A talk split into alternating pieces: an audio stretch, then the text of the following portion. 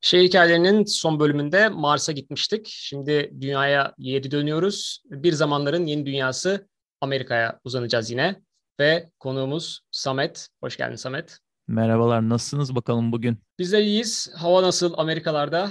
Tipik e, sonbahar havası, biraz rüzgarlı falan filan. Aslında çok yoğun bir yangın, belki duymuşsundur yine oralardan ilk bölümde de konuşmuştuk galiba seninle. Hı hı. Yoğun bir e, wildfire yani orman yangınları sezonundan çıktık. Bayağı da bir yandı maalesef yine bana yakın yerler. Yazın çoğunu ütopik ve yağan işte küllerin ardından şimdi sonbaharda sonunda birazcık oksijen alabilme sevinciyle karşındayım diyebilirim. Şimdi en son seninle batı yakasında bayağı bizi dolaştırmıştın ama bu kez birazcık daha Orta Doğu diyelim. Amerika'nın Orta Doğu kısmında bir yerlere bizi götüreceksin. Cincinnati mi, Cincinnati mi nasıl okunuyor? ben Cincinnati diyorum. Ya gerçi Hı-hı. buradakiler de Cincinnati diyor da Hı-hı. ya Cincinnati deyince de güzel geliyor kulağa Türkçe'de. Hatta Hı-hı. iğrenç bir şaka da yapıyoruz arkadaşlarımızla. Dinleyen de maruz kalsın bu iğrenç şakaya. Ee, birbirimizin sinsi bir şey yaptığını yakaladığımızda hmm, Cincinnati'lisin galiba falan da diyoruz. Böyle saçma bir şakayla Cincinnati diye biz onu telaffuz ediyoruz. Yani çok random bir yerden bahsedeceğiz. Çünkü benim hiçbir şekilde bağlantım yok orayla ama bir anda eşimin kardeşinin oraya taşınmaya karar vermesiyle 6 ay önce biz de kendimizi onları ziyaret ederken bulduk. Ve burası Ohio eyaletinde mi oluyor Cincinnati? Evet aynen Ohio eyaletinde. Bir dört buçuk saatlik bir uçuşla Kaliforniya'dan oraya vardık. Gayet böyle mütevazi, küçük ve içinde yönünü kolay bulduğun bir havaalanı vardı. Gerçi international sanırım uluslararası bir havaalanı ama e, yine de çok kolaydı orada gitmek istediğin yerlere gitmek. Hatta biz iner inmez de bir araba kiraladık. Daha doğrusu rezerv etmiştik. O rezerv arabayı teslim aldık. O, o kısmı da çok rahat geçti. Yani hemen ufak bir servisle sizi oraya yolluyorlar ve orada 2-3 dakikada işlemleriniz tamamlanıyor. Ve bir anda kendimizi kiralık arabayla Cincinnati sokaklarına doğru sürerken bulduk. Şimdi o hava limanına bakıyorum. Cincinnati Northern Kentucky diyor. Demek ki öyle bir paylaşımlı iki eyaletin paylaştığı bir hava alanı yapmışlar. Ee, peki uçakla gittiniz ve sonra orada yani gezme fırsatın oldu mu? Nereleri gördün? Evet evet çok yer gördüm. Her gün hatta birazcık bir şeyler gezmeye çalıştık ama şunu anlatmak istiyorum ilk olarak. Şimdi gitmeden önce bakınca biraz hem eşim hem ben birazcık tedirgin olduk. Çünkü her 9 yılda bir yer altından şaha kalkan, ortaya çıkan ateş Ağustos açık e, Ağustos böcekleri bizim gideceğimiz zamana denk gelmiş. Sanırım bir 6-8 haftalık bir dönemi var onların çıkıp da aktif oldukları. Biz onların işte 5. haftasında falandık. E, hatta en yoğun oldukları haftaymış sanırım o. Dolayısıyla benim hani eşim de işte böcek böcek sevmem modunda. Tabii buradaki bahsettiğim Ağustos böcekleri de Türkiye'deki gibi bu romantik e, gece ağaçta ışıldayan güzel şeylerden ziyade kendine has çok ilginç yani Cincinnati'ye mi has artık nereye hassa ilginç ve çok, çok aşırı büyük boyda ve seni aşırı rahatsız eden ayrıca kör olan bir böcekmiş. Biz bunları okuduk tabii. Şimdi arabayı kiraladık. Yola koyulduk. Biz böyle bir bakınıyoruz acaba filmlerdeki gibi bulut halinde her yerde bunlardan var mı diye. Hiçbir yerde bir şey görmedik giderken. Kiraladığımız Airbnb'ye doğru. Sonra iner inmez e, arabadan park edince Airbnb'nin önüne çıkar çıkmaz yine etrafta bir şey göremiyoruz ama yükseklerden bir yerden bir şekilde tam da olacağı tuttu. Benim eşimin saçının içine ilk gördüğümüz Ağustos böceği uçtu uçtu ve direkt saçlarının içine girdi bir şey de göremedikleri için. Ve işte orada çığlık attı bir şeyler falan filan dans figürlerine benzer bir e, karmaşa yaptıktan sonra dedim ilginç ama e, böyle bu kadar nadir beklemiyordum falan. Uzun lafın kısası sonraki günlerde gördüm ki bazı yerlerde o kadar yoğunlar ki arabaları temizlemek için kurdukları istasyonlarda vacuum cleaner bu işte süpürgeler de var hortumlar arabanın koltuklarını temizle diye. Onların hepsini bu 6 hafta boyunca adamlar kapatıyormuş. Çünkü bunları çalıştırdığında Ağustos böcekleri bunları mating signal yani çiftleşmek için bir işaret olarak gördüğü için vakumdan içeri uçuyormuşlar ve bütün mekanizmayı ve aleti bozuyormuşlar. Yani arabanı bile süpürmemeye çalışıyorsun. Onun dışında da arabasını süren insanlar özellikle otoyollarda e, korna falan da çok kullanmamaya çalışıyorlar. O tarz sesleri de çok gelip senin camını doldurabiliyormuşlar. E, görüşünü etkileyebiliyorlar falan. Böyle çok garip bir durumda gittik oraya. Nasıl bir şey olacak diye. Sonrasında da bir sürü resim resim çektim. Zoom etmeye çalıştım onlara falan. İlginç bir hayvan e, böcek türü. Bayağı da e, şehrin tamamını ele geçirmiş gibiydi gittiğimizde. Ya ilk Bayağı... oydu yani ilk izlenim bayağı bir zombi istilasına hazırlanır gibi hazırlanıyorlar o zaman bu böceklerin çıkacağı zamanlarda. Evet abi yani bir de her 9 yılda bir olduğu için bir de bunlar inanılmaz coşmuşlar yani. 9 yıl bekledikten sonra mesela şimdi kardeşimin e, eşimin kardeşinin evine vardığımızda orada e, tabii onun çocuğu var işte 8 yaşlarında falan heyecanlı o tabii seviyor böyle şeylerle oynamayı. Biz gelir gelmez arabadan indik evine tam evin içine gireceğiz yanında da büyük bir çalısı var. Çocuk bildiği için böcekle ilk defa gördüğümüzde o alışmış tabii 6 haftadır oynuyor onlarla. Gidip o çalıyı şöyle bir salladı. Çalından böyle yukarıya doğru simsiyah bir şey yükseldi. Büyük bir kütle halinde. Hepsini onların uçurttuğu bilerek falan. Bayağı biz böyle bir oha ne oluyor moduna girdik ama hayatı direkt etkiliyor. Zaten bunu turizme de çevirmişler işte çarşıya oraya buraya gittiğinde o Ağustos böceklerin ya da cicadaların işaretlerini, logolarını, her şeyini koymuşlar. Bardaklar, onları bunları. Ama genel olarak sorduğun soruya döneyim. Bu ilginç cicada muhabbetinden sonra. Çok e, her gün bir şeyler yapmaya çalıştık. Çok yerler görmeye çalıştık. Biz Airbnb downtown dedikleri, Cincinnati downtown dedikleri e, mekanında o bölgede tutmuştuk. Orada öncelikle şunu söyleyebilirim ki çok tatlı bir downtown'u var ve çok böyle eskiye yani Kaliforniya'ya göre ne kadar eski olabilir ki Amerika genel olarak Avrupa'yı, Türkiye'yi düşündüğün zaman ama Kaliforniya'ya göre daha eski, daha tarihi bir e, yapısı vardı downtown'un. İşte Hı. kiliseler olsun, binalar olsun, çok güzel sokakları vardı. Bir de hiç beklemediğim bir şey daha vardı ki ben bunu daha sonra baktım gördükten sonra büyük, bayağı da resmini çekmiştim. E, murals yani grafiti olarak, mural olarak da Amerika'nın e, en iyi şehirlerinden biri olarak kabul ediliyormuş. Gerçekten duvarlarda gördüğüm bazı insanların sokak sanatı olarak yaptığı şeyleri üç kere falan tekrar bakıyorsun. Bu gerçek bir resim yoksa biri bunu boyamış mı diye. İnanılmaz güzel yetenekli şeyler vardı. E, yaklaşık 150-200 tane böyle kalitesi işte top olan e, olduğu düşünüyor Cincinnati'de genel olarak. Peki oraya e, dışarıdan mı gelip yapıyorlar yoksa yerel oradaki sanatçılar mı?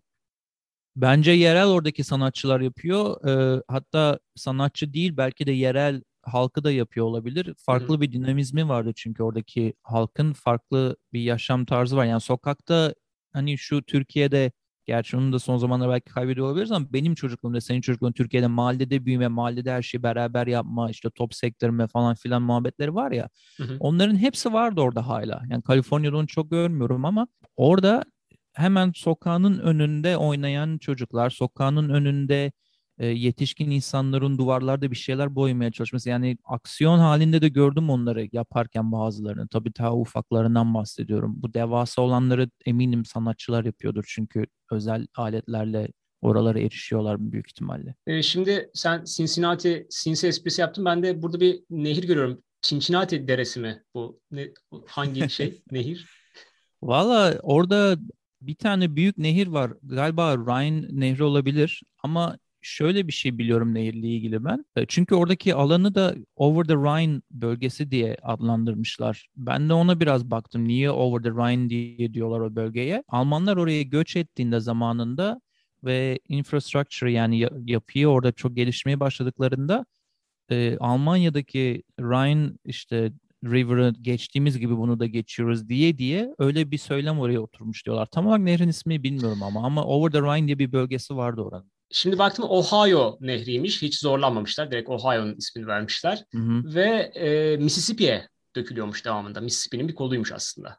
Evet yani orada tarihi bir önem var onunla ilgili. E, hatta bahsettiğin nereleri gördüğüne bağlayayım bunu. İlk gittiğimiz hı. gün ilk bir müzeye gittik. E, bu müzede de Black History yani bu işte siyahilerin kölelikten çıktıklarını anlatan ya çıktıkları zaman ne zorluklardan geçtiklerini anlatan bir müzeydi. Hı hı. E, bu müzeden de öğrendiğim ve önceden de okuduğum zaten bu nehrin şöyle çok kritik bir tarihi önemi var Amerika için. Sadece orası için değil, bütün Amerika için. Zamanında kölelikten kaçmaya çalışan e, siyahiler Ohio tarafında kölelik kaldırılmışken, Mississippi tarafında kaldırılmamışken bu nehri geçmek onlar için bir nevi özgürlüğe adım atmak Hı-hı. anlamına geliyordu.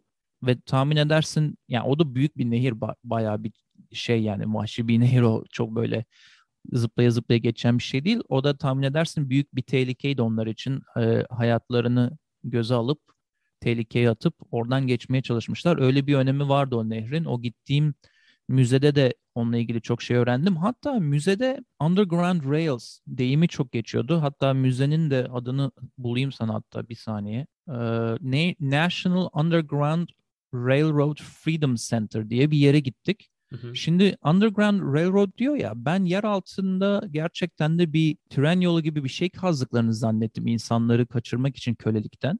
Daha sonra o müzede ve okuyarak da öğrendiğim ise ki bu nehirle de alakalı işte o. Underground Railroad sadece bir deyimmiş. İnsanlar yani köle köle olanlar evden eve kaçarken yani koşuyorlar resmen işte tarladan tarlaya kaçmaya çalışıyorlar Mississippi taraflarına, Ohio taraflarına. Evden eve kaçarken bazı evler eğer köleliğe karşıysa ve bu insanlara barınak sunacaksa bir iki gün dinlensin kaçarken yemeğini yesin, enerjisini toplasın, uyusun ve tekrar yola koyulsun diye Mississippi'nin içinden bahsediyorum. Ee, bazı işaretler koyarmışlar evlerine. Bazıları ışığını açık bırakılmış, bazıları hmm. küçük bir bez parçası koyarmış beyaz falan. Ve bunları yapan bu genelleşen gizli destekçilere Underground Railroad demişler bu kültüre yani bunları yardım edenlere. O da çok ilginç bir şey öğrenmek için bu nehirle de alak bağlantılı olarak yani bütün bunlardan geçiyorlar bu Underground Railroad kulübünün desteğiyle ve en sonunda nehri geçtiklerinde Ohio tarafına geldiklerinde orada artık yeni bir hayata başlama imkanı buluyorlar. O zaman Ohio bir nevi onlar için evet özgürlüğün başladığı yer nehri, nehri geçtikten sonra. Ee, şimdi bu bölgede tabii ben sadece haritadan gördüklerimi e, so- soruyorum şu anda ama mesela şey ilginç geldi bana burada işte bir Avrupa şehir isimleri görüyorum bol bol bu bölgede. E, yani sen Almanya etkisinden biraz bahsettin ama işte aslında birazcık bu daha aşağıda e, biraz daha Kentucky tarafında ama işte Londra'sı, Paris'i, Milan, işte Varşova bayağı bir böyle bir Avrupa etkisi görüyorum şehir isimlerinde bu bölgedeki. Evet ben o işte Avrupa'dan çok etkilenen genel kültürün Alman kısmına Cincinnati'de çok e, denk geldim. E, çok güzel oldu onunla ilgili öğrenmek. Amerika'da kişi başına metrekare olarak en çok biranenin düştüğü yerlerden biriymiş Cincinnati mesela. E, ben de zaten birayı çok seven ve microbrewery olsun işte normal yerler büyük firmalar olsun her şeyi dinlemeyi seven biri olduğum için tam göbeğine geldim diyebilirim olayın tam merkezine. Orada e, Alman ya bir bir zaman ilk göçler başladığında yarısından da fazlasının Cincinnati'nin Alman olduğu, Alman göçmen olduğu tahmin ediliyor. O kadar büyük bir etkisi var. Hatta sana başka bir tarihi bir şey anlatayım. Bu anlamda bu gezi çok zengin benim için. Kaliforniya'nın tarihi biraz e, sınırlı kalıyor Gold Rush'la. Hani altın bulunuyor, herkes San Francisco'ya hücum ediyor şeklinde biliyorsun 1800'lerde. Burada biraz daha zengin bir tarih olduğu için işte bu az önce bahsettiğim nehir, underground, railroad bilmem neler. Bunun dışında da yine 1900'lerin maçlarında prohibition yani alkol yasağı geldiğinde ki bu 12-13 sene sürmüştü Amerika'da. O zamanlarda bu Alman, Almanlar sen kimsin ula beni biradan alıkoyacaksın deyip devlete biranelerin altına mağaralar kazmaya başlamışlar. Ve bu mağaraları biranelerin birbirine bağlanması şeklinde genişletip bambaşka yeraltı bir deyim yerinde ise eğlence merkezi oluşturmuşlar. Ve günümüzde de ben gittiğimde bir ücret karşında bir tura katılıp bütün bu yeraltı elle yapılan ki zamanında öyle bir teknoloji de çok yok ve sessiz de olmaları gerekiyor zaten. Makine kullanamazlar. E, elle tek tek kazılan bu devasa yeraltı mağaralarını gezme fırsatı buldum.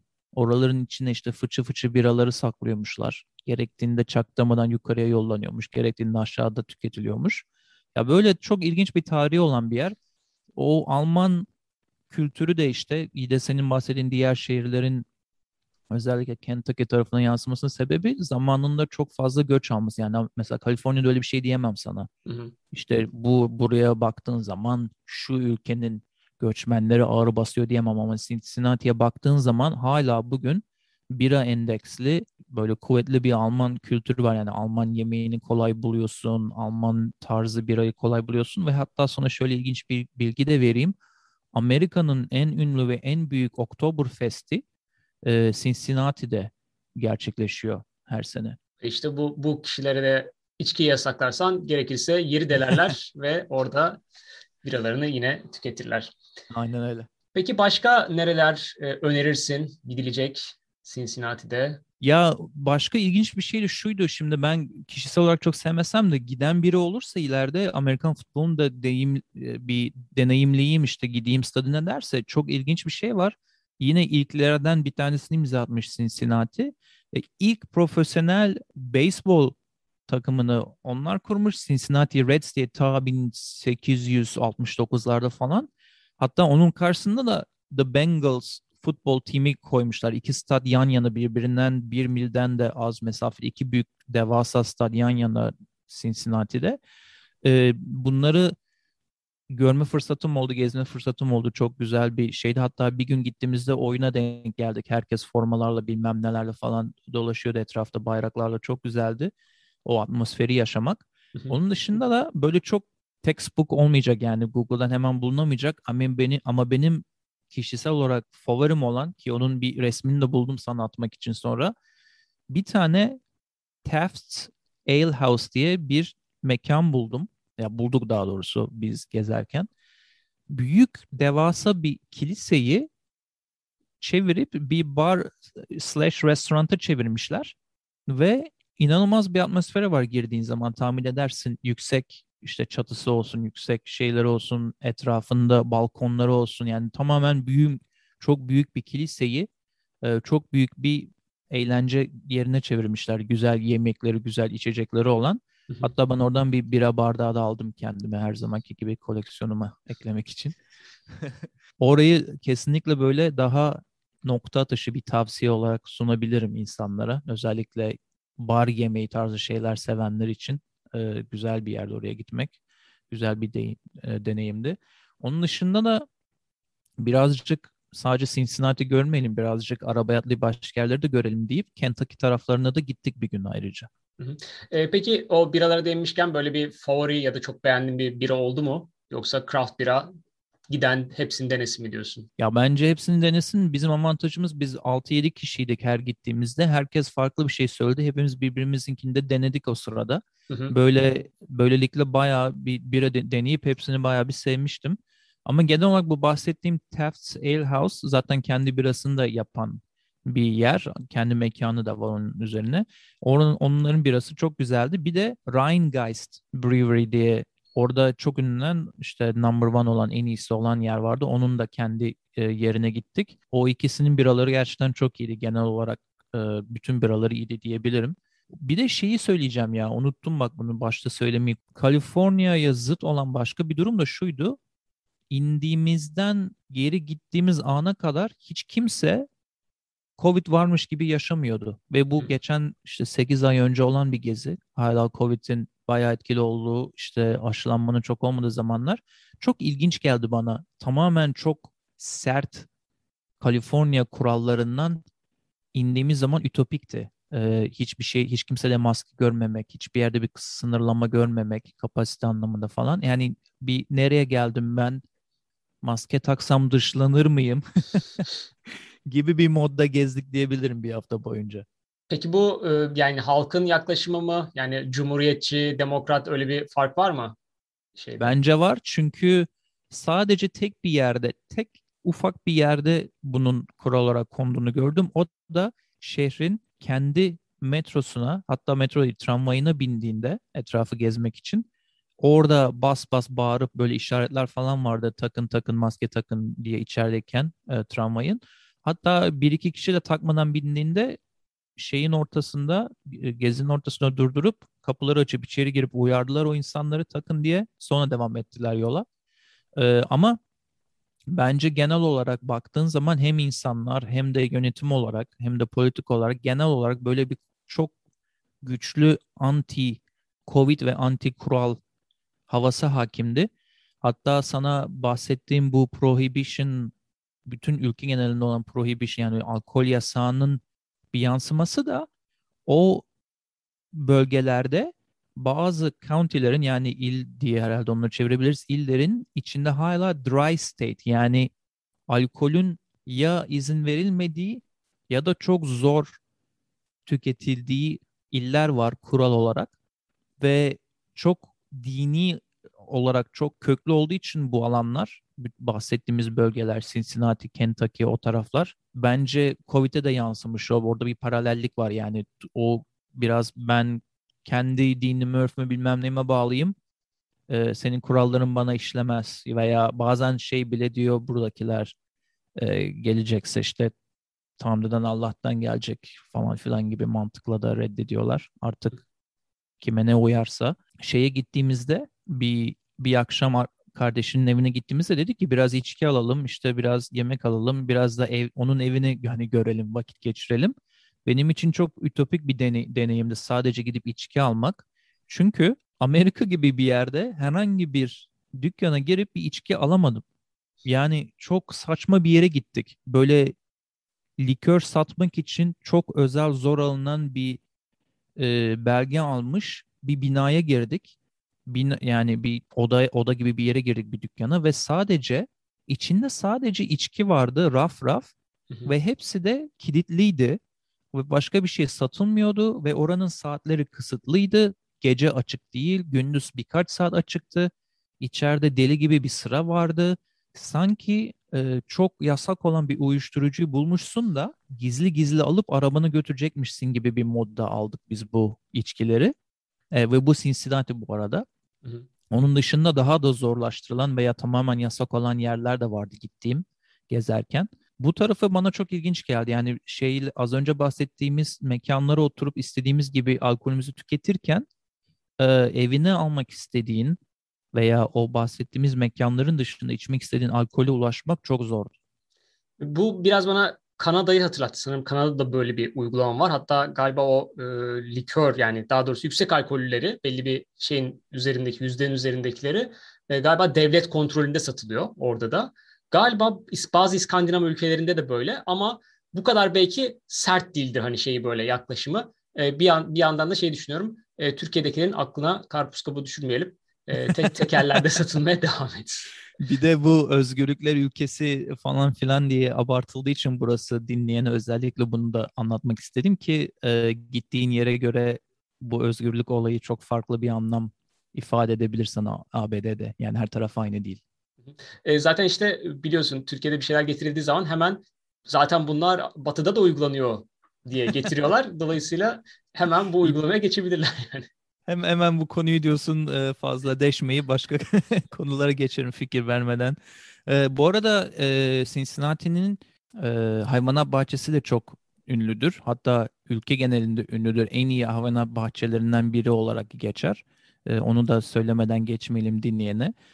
Gerçi bu bu arada hassas bir konudur. Burada da bayağı ikileme girilen bir konu oldu hayvanat bahçeleri. Yani nasıl işte ben kedi hastanesinde çalıştığım için bir cat podcast da yapıyorum İngilizce insanları konuk aldım. Aynı burada seninle yaptığımız gibi.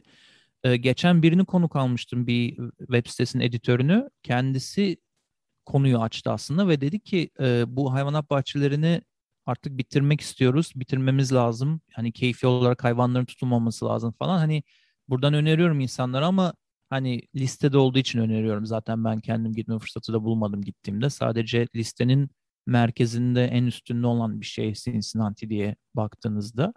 E, genel olarak hayvanat bahçelerine ben de e, eğer e, rehabilitasyon yoksa hayvan için içinde ben de çok fazla e, taraftarı değilim aslında.